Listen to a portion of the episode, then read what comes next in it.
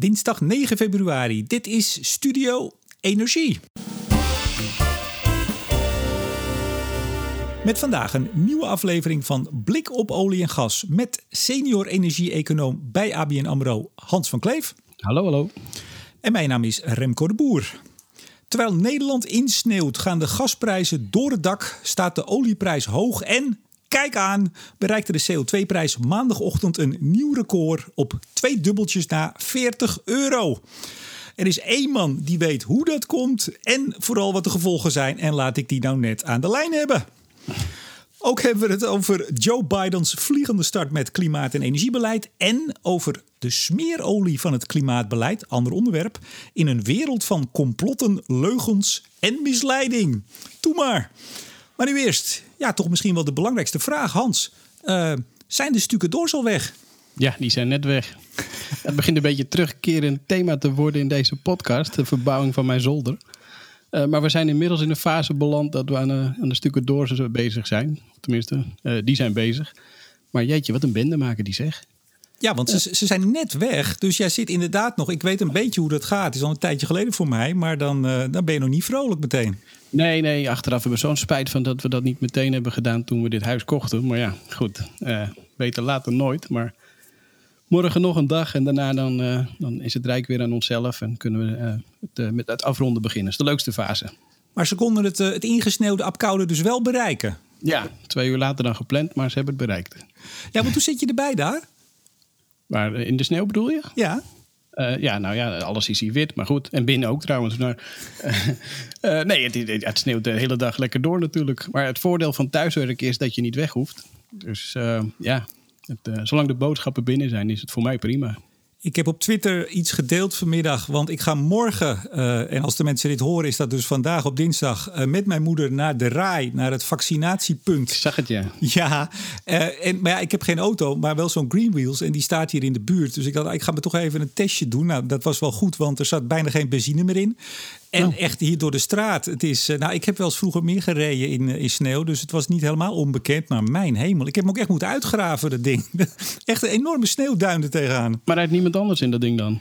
Nee, nee, ja, wie gaat er nu de weg op als je niet hoeft? Ik liever ook niet. Nee, maar het zou wel zuur zijn als jij dat ding net hebt uitgegraven en een ander die gaat er vandoor.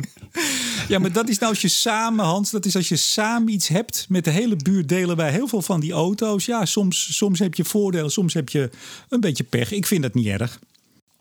Iets heel anders. Moeten wij de titel van deze podcast niet eens gaan veranderen, dacht ik van de week. Nou, weet ik niet. Uh, ik, uh, nou ja, ik, ik, ik zat er toevallig zelf van ook aan te denken. Maar eigenlijk vind ik het wel een pakkende naam. En, en ja, hebben we net eindelijk een beetje het, het merk uh, in de markt kunnen zetten. En dan moeten we weer veranderen. Maar als je een hele goede suggestie hebt, uh, dan ben ik uiteraard, uh, sta ik er zeker open nou, voor. Misschien moeten we de luisteraars vragen. Want kijk, blik op olie en gas, nou, dat, dat is hem tot nu toe. Maar we hebben het eigenlijk altijd over uh, olie- en gasmarkt. Maar ook over elektriciteit en CO2. Dus ja, blik op olie, gas, elektriciteit en CO2 is misschien een beetje lang. lang. Ja. ja. Dus nou, mochten er goede suggesties binnenkomen, welkom. Over elektriciteit gesproken, Hans. Ik hoorde vrijdag iets geks. Het leek alsof de elektriciteitsmarkt even dicht was. Nou, dat kan volgens mij niet kloppen, maar jij weet vast wat er wel aan de hand was.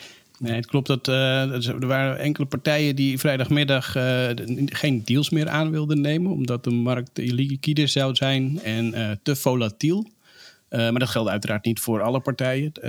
maar op zich, ja, het was wel een beetje een raar signaal, waarbij als je dus zeg maar als, als zakelijke partner dacht ik ga eens voor 2022 uh, iets, iets, iets vastklikken of hedge of hoe je het noemen wilt.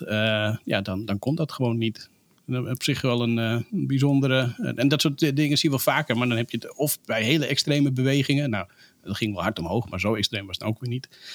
of bijvoorbeeld in periodes dat er echt haast niemand ja, bezig is op de markt. Bijvoorbeeld tussen kerst en oud en nieuw. Dan, dan, dan ja, is het niet verstandig om je posities te willen vastleggen op zo'n moment. Maar ja, dus ik, ik was zelf een beetje verbaasd over. Maar is, is, is achterhaald wat dan de verklaring is? Nee, ja, ik, ik denk dat zo'n partij dan toch wat uh, terughoudend is om uh, uh, actief te moeten zijn in de markt en, en met slechte prijzen te geconfronteerd te worden. Aan de andere kant denk ik dan, ja, die, die leg je dan gewoon weer bij je klant neer. Dus op zich, zo'n probleem moet dat ook niet zijn. Maar nee, het was een beetje een raar signaal. Was het één partij of waren het meerdere? Want volgens mij zijn niet meerdere en nu één. Ik ga je niet vragen wie. En misschien weet je het wel niet. Nee, dat is misschien niet zo netjes. Maar ik, ik weet van in ieder geval één. Iets anders op de elektriciteitsmarkt. Vandaag, maandag, gedoe, gedoe, gedoe. Stuk in het FD. Nou, dat was op zich geen gedoe. Uh, deal tussen uh, Shell en Eneco, die het nieuwe subsidievrije windpark Hollandse Kust Noord ja, gewonnen hebben. Die hebben daar een, een, flink stuk, althans van de opbrengst daarvan, alvast ja, verkocht. Hebben een deal gesloten met Amazon. Ja, mooi. Nou, ja, prima toch? Ja, lijkt mij wel. Nou, ik zag een tweet van Hella Huuk van het FD.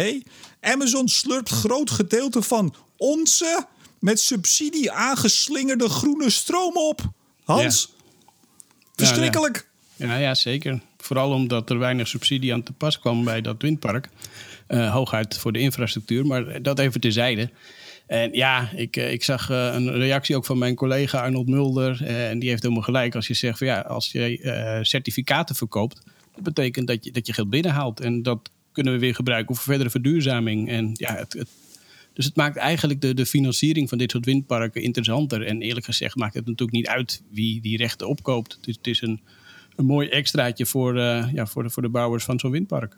Maar het sentiment van uh, ze slurpen onze stroom op. Ja, ik vond het een, echt een hele rare tweet. En zeker van een serieuze uh, journalist van het FD. Maar dat ja, misschien zeker zijn. raar. Zeker omdat we zelf uh, nogal afhankelijk zijn van import van het een en het ander.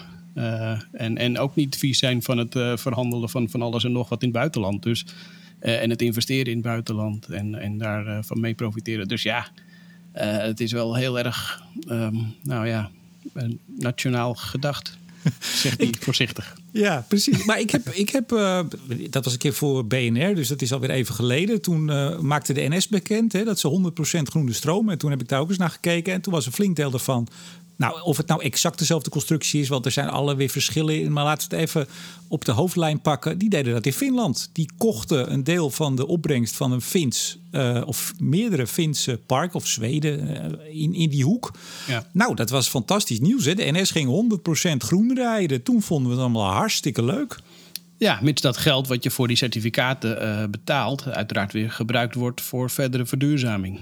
Uh, kijk, en dat is nog wel de discussie dat je met die Noorse certificaten die van die waterkrachtcentrales komen. Nee, dit dat, ging om wind, Hans. Dit ging om wind van de NS. Nee, maar ik bedoel meer het certificaat in het algemeen. Kijk, als dat geld puur is om, om, ja, om, om je winst te spekken en, en niet opnieuw geïnvesteerd wordt, dan, dan is het onzin. Maar als jij zoals de wind uh, ja, een, een boost kan geven aan nieuwe investeringen, en of dat nou in Finland is of, of weet ik waar, ja, dat, dat maakt mij niet zoveel uit.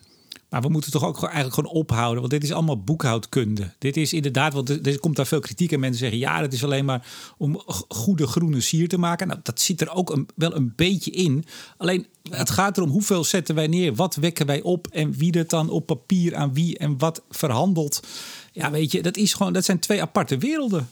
Ja, maar goed, als je zo'n papieren exercitie wil doen en uh, nou, laten we zeggen de, de gekscherend die marketingcertificaten uh, op, je, op jouw cv wil hebben staan uh, en daar geld voor over hebt en daarmee de verduurzaming een extra stimulans kan geven, dan ja, zie, zie ik het probleem niet zo erg.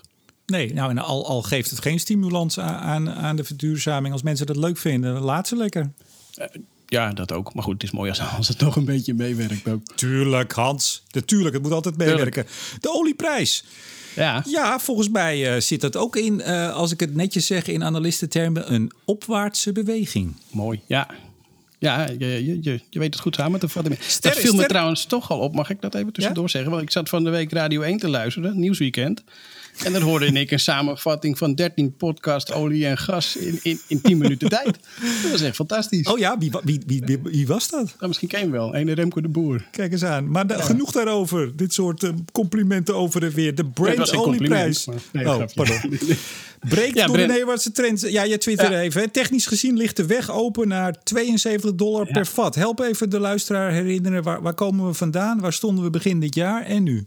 Uh, even kijken. Nou, we hebben vorig jaar een enorme daling gezien met corona, met die prijsoorlog tussen Rusland en Saudi-Arabië, waardoor uh, de Brent-olieprijs daalde tot 15 dollar. WTI uh, helemaal tot min 40, maar goed, dat is een heel ander verhaal, daar gaan we nu niet op in. Um, en daarna hebben we een herstel gezien. begin van het jaar zaten we, meen ik, ergens rond de 40. en inmiddels zijn we gestegen tot boven de 60 dollar. Dus ja, het opwaartse sentiment die, die zit er zeker in. De opwaartse beweging zet door. Uh, het enige is, en ja goed, ik, ik ben geen technisch analist. en dit plaatje was puur gebaseerd op technische analyse. Um, dus dan, en, en dat botst, want uh, puur op basis van technische analyse, dus puur op basis van de grafiek, zeg maar, en de lijntjes die je daaruit kan trekken en de lering die je eruit kan halen. Uh, ja, dan ligt inderdaad nu door de break naar boven de weg open naar 72 dollar. Alleen als ik als fundamenteel analist ga kijken naar van oké, hoe komt die prijs tot stand? En ik maak de optelsom tussen vraag en aanbod en geopolitiek en, en, en marktspeculatie, noem alles maar op ja, dan heb ik eigenlijk niet een heel goed verhaal waarom die olieprijs veel hoger moet zijn dan, dan het huidige niveau. Sterker nog, dit zei ik een paar dollar geleden ook al. Uh, dus uh, wat dat betreft uh, ja, loopt de markt veel verder door dan ik puur op basis van de fundamenten kan verklaren. En dan is de vraag, want de markt heeft altijd gelijk. Wat ja. ziet de markt wat niet te verklaren is uit fundamentele analyse? Nou, persoonlijk heb ik liever dan wat ziet de markt nog niet wat ik wel zie. Maar goed, okay. Klein, kleine nuance. Nou ja, goed. Kijk, wat je ziet is dat de beurzen die, die, die gaan heel erg door. Terwijl we natuurlijk midden in een recessie zitten. Um, uh, dat, dat, dat hele sentiment daar uh, is, is ook heel positief. En dat is natuurlijk gebaseerd op, op een aantal factoren. Uh, en die we eerder genoemd wel eens. Hè. Het, het zijn de stimuluspakketten van, van overheden, van, van centrale banken. Um, het, het, is um, de, ja, de, de, de hoop dat die vaccins zeg maar, gaan werken en dat daardoor de economie weer loskomt en, uh, en, en, en, we daar een, een positief uh, effect van gaan zien. En, ja, dat, uh, en het feit natuurlijk dat beleggers, al zouden ze in de beurs zitten, ja, inmiddels ook wel hun portefeuille wat willen spreiden. en dus andere soorten beleggingen die iets meer risicovol zijn, bijvoorbeeld in de grondstoffenmarkt en dus ook olie. Uh, ja, die, die raken ook steeds meer geïnteresseerd. Dus uh, dat stuurt eigenlijk dat, die koers alleen maar verder omhoog. Aardgas. Het is koud. Dan gaan meestal de aardgasprijzen omhoog. Moeten we er heel veel meer over vertellen of niet? Uh, nee, nou misschien wel aardig om even te kijken. Ik zat naar de voorraadniveaus te kijken. En waar we vorig jaar na milde winter eigenlijk boven gemiddeld hoog zaten, zitten we inmiddels eh, wel redelijk aan de onderkant van die range. Dus dat betekent dat ja, de, uh, de voorraden snel afnemen. Wat niet zo raar is natuurlijk, want ja, uh, het is inderdaad koud en, uh, en we verbruiken een hoop. Um, maar ja, dat, die, ja, die effecten die zien we dus. we zien nog steeds dat heel veel LNG richting Azië gaat. En ja, dus dan zou je denken als straks met een week of anderhalf de, de kou weer iets nou, uit de lucht is, zou ik aan zeggen. ja, dan, dan zou je denken dat die prijs omlaag gaat. Maar dan is even de vraag van hoe, hoe ver gaat die terug? Dus dat is nog even, even afwachten. CO2-prijs, ik zei het al in de intro, maandagochtend uh, 39,80 euro, een nieuw record. Zeker. Ja, dat gaat hard. Ik, ik kreeg toevallig al de vraag van, is dit uh, de nieuwe GameStop? Um, even voor Wat, degene de, de nieuwe GameStop? Ja, dat uh, heb ik niet meegekregen. De, oh, dat aandeel ja, dat door het dak heen ging omdat mensen short koffering wilden zeg maar laten leiden tot een veel hogere prijs. Hans, uh, dit, dit snapt toch niemand meer die naar, olie, naar blik op olie en gas luistert. Er waren een aantal, uh, en dat waren heel veel aantallen, uh, zolderkamerbeleggers. Ja, die, bocht, ja. die, gingen, die gingen rellen en muiten en die hebben met elkaar de prijs van een aandeel enorm omhoog gestuurd. Ja, klopt. om, zo, om zo shortsellers die eigenlijk uh, het moeten hebben van een daling. Om die te dwingen om te moeten kopen, waardoor die versnelling nog sneller gaat. Ja, kost Klopt, een paar miljard ja. geloof ik, hè, een van die jongens. Ja, maar dan heb je wel wat. dus, ja, nee, uh, absoluut. Maar eerlijk gezegd, ik denk dat het voor de ETS-prijs of de CO2-prijs, uh, dat dat niet aan de orde was. Maar je ziet wel dat ja, die, die, die beweging zet wel door. En, en, en ja, dat, dat positieve sentiment wat we op de beurs zien, wat we bij de olie zien, dat zien we dus ook bij het ETS. deels doordat er simpelweg vraag is naar die rechten. Wat logisch is, hè, want het is koud, dus de kolencentrales stoken wat harder, de gascentrales, dus meer vraag. Um, en, uh, en, uh, maar ook door, door marktspeculatie. Want uh, ja, de Europese Commissie is nog steeds niet over de brug gekomen met hun nieuwe plannen hoe ze het ETS gaan aanpakken. En dat gaat ook nog heel even duren. maar dat zorgt ervoor dat, dat mensen ervan uitgaan, of, of misschien ja, zelfs lijken te denken dat het een, een, een one-way bet is. Zeg maar. Dat kan maar één kant op en dat is omhoog. En ik denk dat ze daar zich wel eens in kunnen vergissen. Maar ondertussen drijft dat sentiment ook hier die prijs steeds verder naar boven. Ik zag nog een tweetje langskomen. Ik weet eigenlijk niet eens meer van wie. Een uurtje geleden. Die zei ja, maar die, die CO2-prijs, dat uh, lager ook alle kanten op. Maar we zien nu toch wel. Laatste, nou, hoe lang is het? Laatste jaar, twee jaar, dat het toch wel een, een, een nou, stabiel stijgende lijn zit, of niet? Uh, ja, maar goed, uh, ja, het is wel, wel stijgend. Of het stabiel is, dat wil ik niet zeggen. Want uiteindelijk zie je ook hier nog wel best wel grote prijsbewegingen af en toe. En ik ben ook benieuwd hoe dan de reacties zijn, bijvoorbeeld als, als die longposities uh, die gaan winst nemen. Of ehm, ik bedoel, de hedgefonds die, die van de week dat we zelfs naar 100 zouden kunnen dit jaar. Ja, als, als door dat soort sentimenten heel veel gekocht wordt, ja, dan, dan kan de prijs natuurlijk heel hard omhoog. Maar als iets heel hard omhoog gaat, is mijn ervaring, dan kan het ook weer heel hard omlaag. En ik ben bang dat op zo'n moment, uh, ja, met name politici op hun achterste benen staan van kijk, het gaat helemaal niet goed. En uh, dat, dat, dat, dat blijft altijd wel een lastig iets. En zeker natuurlijk bij zo'n politiek uh, instrument. Maar hoe denk je dat. Want kijk, het idee is, of het idee is hoe het werkt. Ieder jaar komen er wat minder rechten in de markt. Dan, dan komt er schaarste. Dan, ja. als er schaarste is, dan gaat de prijs omhoog. Maar waar we het hier over hebben, is toch vooral ook heel veel speculatie. In hoeverre, hoe gaan die twee dingen elkaar nou, nou tot ze elkaar, nou, je snapt wat ik bedoel, verhouden? Ja, nou dat is ook het lastige. Want als je puur naar de, uh, ja, hoe ga ik dat nou zeggen? Uh, het idee van die CO2-recht is dat we er natuurlijk steeds minder van krijgen. Dus je, je liquide, uh, het wordt steeds minder liquide. Het aantal wat, wat in omloop is, wordt steeds kleiner. Uh, terwijl het voor marktspeculanten steeds interessanter wordt. Dus de verhandelbaarheid, of de, het wordt steeds vaker verhandeld. En daarmee kan je hele rare bewegingen krijgen. Uh, en dat is ook waarom ik toch een beetje terughoudend ben met ook bijvoorbeeld prijsvoorspellingen op, op, uh, op ETS-prijzen. Want um, dat is normaal al, al haast niet te doen. Maar met dit instrument, um, ja, om prijsvoorspellingen te doen, wil je eigenlijk een bepaalde volume in de markt. En, en uiteindelijk neemt het, het volume van die rechten natuurlijk af. In 2050 hebben we er als goed is geen één meer. Dan weet ik ook wel zeker, is de prijs nul, dat scheelt. Maar blijft Kijk, dat, dat zijn nog eens voorspellingen. Ja, precies. Daar kunnen we een flinke fles wijn op zetten. Maar, eh, maar tot die tijd is het gewoon zo, zo lastig, omdat dat er heel weinig uh, ja, pijl op valt te trekken hoe, hoe, hoe, ja, hoe die beleggingen, zo'n, zo'n, wat voor invloed die kunnen hebben op, op die koersen. En dat, dat kan echt voor hele rare schommelingen, tot hele rare schommelingen leiden. En, en dat zie je ook nu. Want nu loopt die prijs bijvoorbeeld op. En het zou zomaar kunnen dat er ook bedrijven zijn die denken van ja, straks gaat die prijs nog verder. Laat ik nu maar vast weer wat kopen om, om, om ja, als, als een buffer zeg maar voor toekomstig verbruik. Uh, maar dat, dat, dat geeft dan nog weer een verder opwaarts, opwaartse druk. Maar die, die, die liggen dan al wel op de plank. Maar we gaan, niet weer terug, we gaan niet meer terug naar de 20 euro, toch? Ik weet het niet. Nee, kan dat wel? Ja, waarom niet? Nou, dan krijgen we weer verhalen dat de hele transitie uh, mislukt.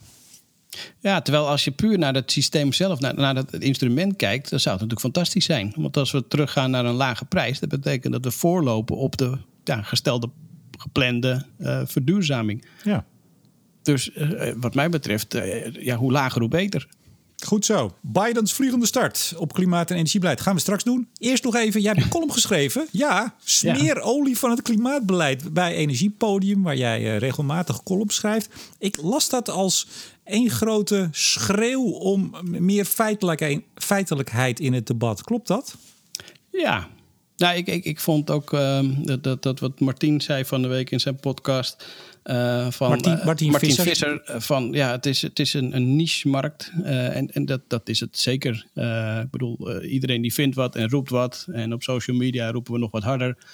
maar dat is niet altijd gebaseerd op, op, op, op hetzelfde uitgangspunt. En natuurlijk, feiten kan je ook anders interpreteren. En je kan er van, van, ja, over visie verschillen over wat voor beleid je dan moet voeren. Maar ja, als, als de basis er al niet is, zeg maar de basiskennis, dan, dan wordt het wel heel erg lastig. En uh, ik verwees in, in mijn column naar het, um, de infographic die um, ABN had, had uitgegeven een paar weken terug. En ik vind toch eigenlijk, en dat, dat heb ik ook echt hier naast me liggen. En ik vind eigenlijk dat iedereen in de energiemarkt dat gewoon bij zich zou moeten hebben gewoon de, de, de, de cijfers ja, waar het om draait. Dat we in ieder geval dat als uitgangspunt kunnen hebben. En dan zie je ook dat de energietransitie gewoon heel erg lastig is. En dat je soms niet dingen kan uitsluiten. En, uh, en, en dat het niet heel reëel is om te denken dat over vijf jaar alles op zon en wind draait. En nou, ga zo maar door. Zeg eens eerlijk, Hans, is hij niet met de jaren iets te ver uitgedijd, die ABN infographic? Ja, voor een infographic is hij met, uh, wat is het, zeven pagina's best wel groot. Maar goed, het zijn ook heel veel feiten. Ja, dus, nee, maar, ja. maar, volgens mij, nee, maar ik ben een grote fan van de, de ABN infographic, laat dat gezegd zijn.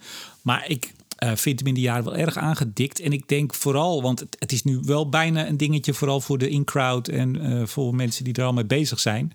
Maar het zou misschien een idee zijn, ABN, hier komt een tip, let op om ook een publieksversie te maken van maximaal 1 A4 met lekkere grote letters en duidelijke plaatjes. Ik zou daar erg voor zijn. Jij ook? Ja, ja dat vind ik wel een goeie. Dan, dan, dan eentje voor, voor ja, zeg maar een publieksversie. Maar, maar deze voor, voor de, de liefhebber, die, die, die mag ook wel blijven wat Tuurlijk. mij betreft. Tuurlijk. Nou, ABN luistert ook. Ze luisteren allemaal. Dus uh, nou, misschien gaan ze het wel doen. Heel goed.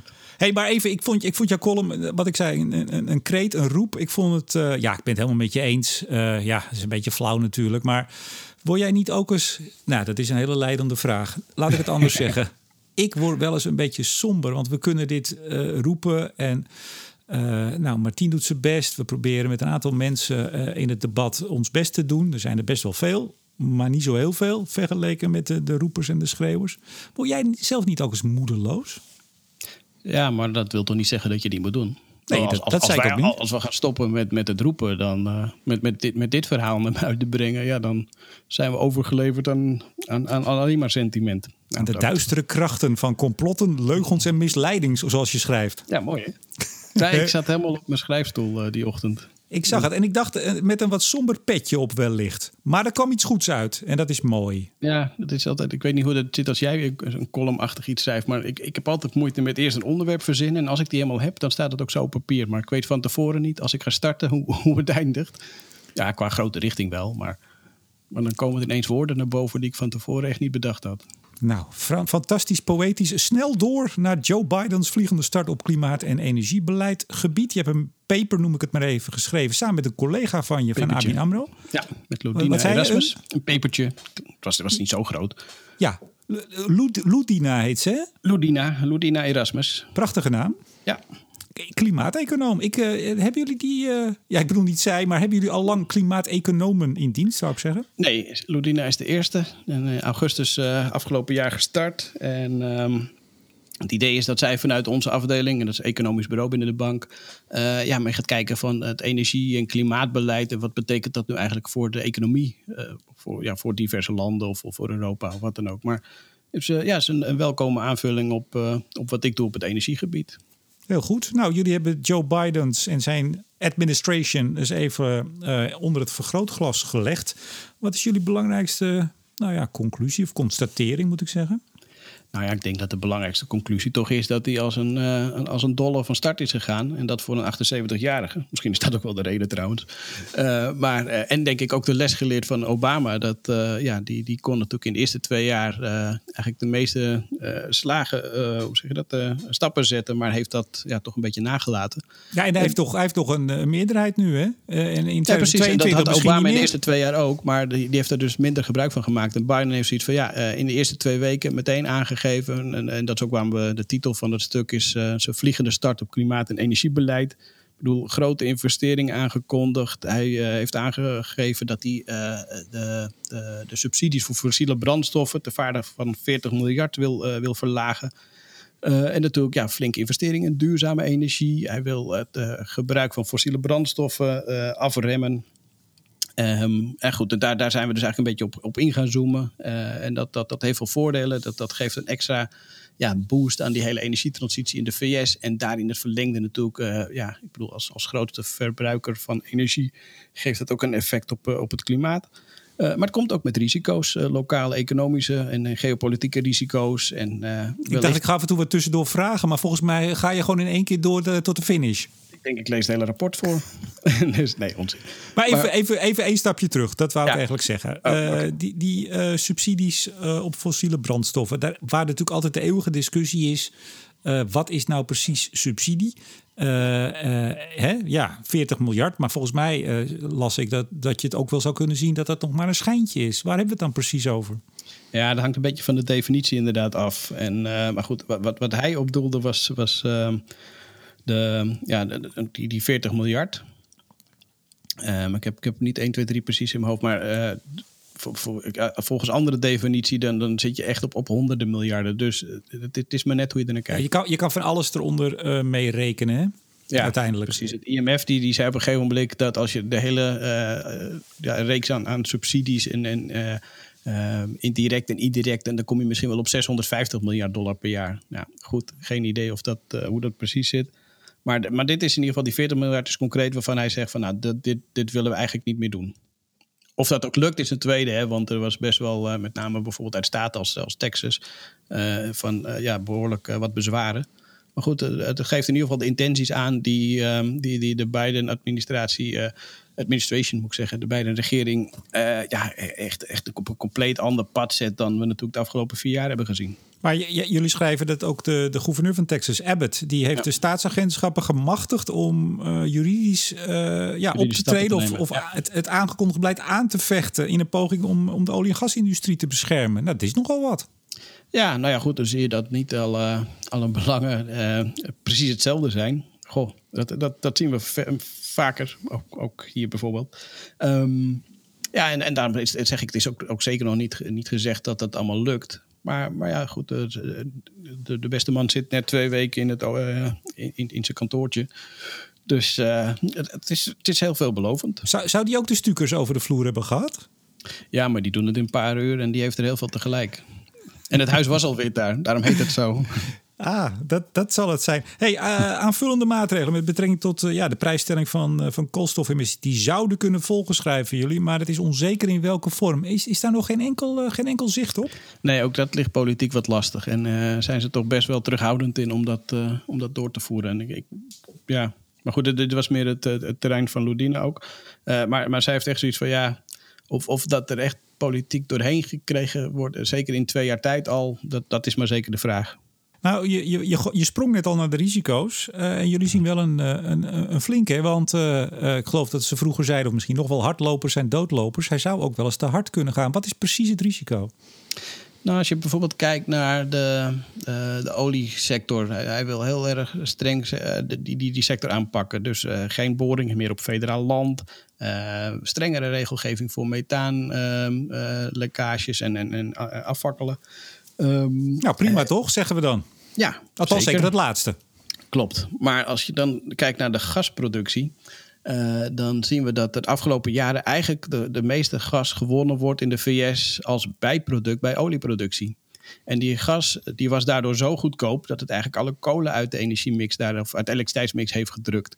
Um, en wat, ja, wat je dus krijgt is dat als die gasprijs weer op gaat lopen, doordat ze alleen maar op gas moeten gaan, uh, gaan, gaan, gaan zoeken of gas produceren, mm ja, dan bestaat het risico dat, dat uiteindelijk die kolen gewoon weer interessanter worden. En ja, dat, dan, dan is zeg maar een, een ja, aanval is misschien een groot woord, maar een uh, het, streven om de olieproductie omlaag te krijgen, die kan dan uiteindelijk indirect leiden tot meer kolen in de elektriciteitsmix. Los daarvan zou dus ook weer uh, afhankelijker kunnen worden van import. En dat gaat weer gepaard met allerlei geopolitieke uh, gevolgen en misschien andere ja, spanningen in het Midden-Oosten. Maar er, er, zijn nogal wat beloftes gedaan in de verkiezingscampagne. En hij heeft ook de steun van een aantal uh, uh, politici om zich heen verzameld. die heel sterk op deze agenda drukken. Dus kan, kan hij nog terug? Kan hij onder druk van, nou bijvoorbeeld zo'n zo gouverneur van Texas en zo'n staat. en misschien straks wel meer staten. kan hij een tandje terug met zijn beleid?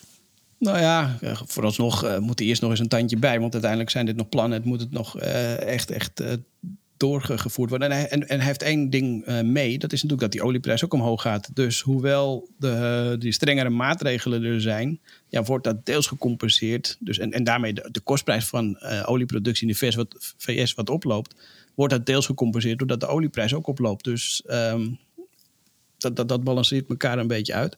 Uh, maar goed, en, en, uiteraard moet, moet er wat versneld worden. Maar wel in een, een verantwoord tempo, zou ik haar zeggen. Festina Lente is Grieks voor haastje langzaam, schrijven jullie. Komt dat uit jouw koker?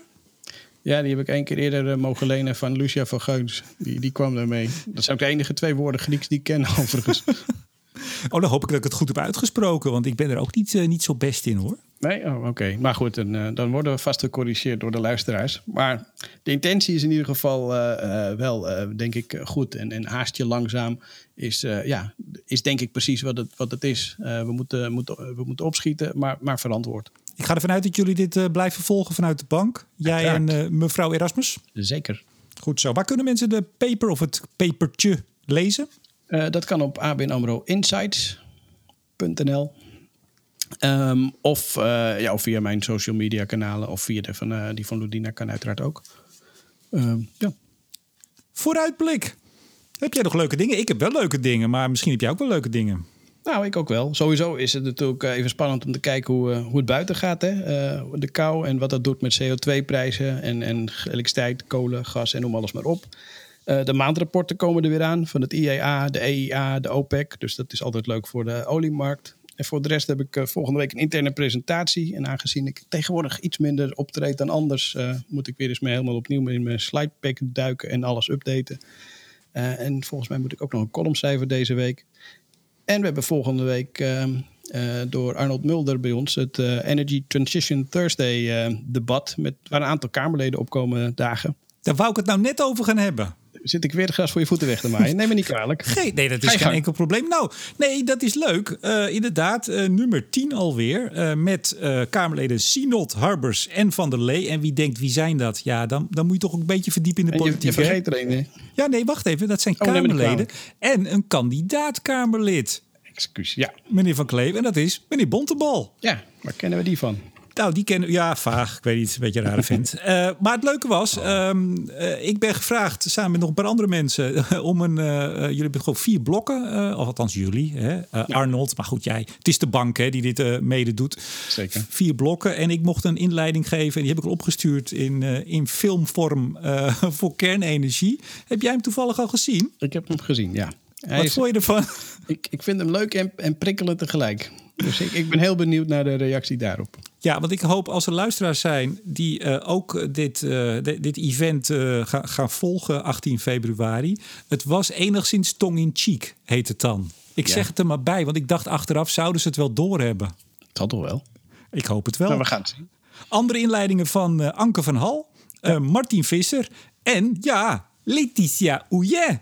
Die mevrouw ken ik ook. Ja, zeker. En dit is allemaal toeval dat de mensen die denken: oh, dat zit allemaal een beetje bij mezelf, allemaal een beetje de, dezelfde kliek. Nee, ik, ik begreep dat uh, Letitia ook was gevraagd, dus ik, uh, ik had er niks mee van doen. Klopt. Nou, en waar ik natuurlijk naar uitkijk is uh, als mensen dit horen, dat ik over een uurtje of twee door de sneeuw met mijn oude moedertje van 89 richting de Rij ga. Ik vind het wel een avontuur.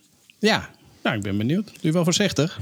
Nou ja, ja, nogmaals, ik ben al even gaan testen. En uh, ja, moedertje is natuurlijk best wel op van de zenuwen. Dus het is, ja, het is wel een gedoe, maar echt fantastisch. Ik wil het toch nog even zeggen. Ik heb het al getwitterd van de week hoe dit georganiseerd is. Ja, mensen, je kan er allemaal wat van vinden. En de strategie. En iedereen weet het altijd beter. Maar als je ziet wat die, die, die mensen van de GGD, die je dan aan de lijn hebt. Hè, mijn moeder heeft ook uh, trombosemiddelen. Dus dat is allemaal wat complexer. Als je ziet hoe goed iedereen uh, helpt. Hoe begripvol, hoe geduldig, uh, hoe kordaat ook. Ik vind het echt, echt heel knap. Ja. Dat wil ik toch even gezegd hebben. Ja, in terecht. Tot zover deze aflevering van Blik op olie en gas met senior energie-econoom bij ABN AMRO Hans van Kleef. Dankjewel weer. En mijn naam is Remco de Boer.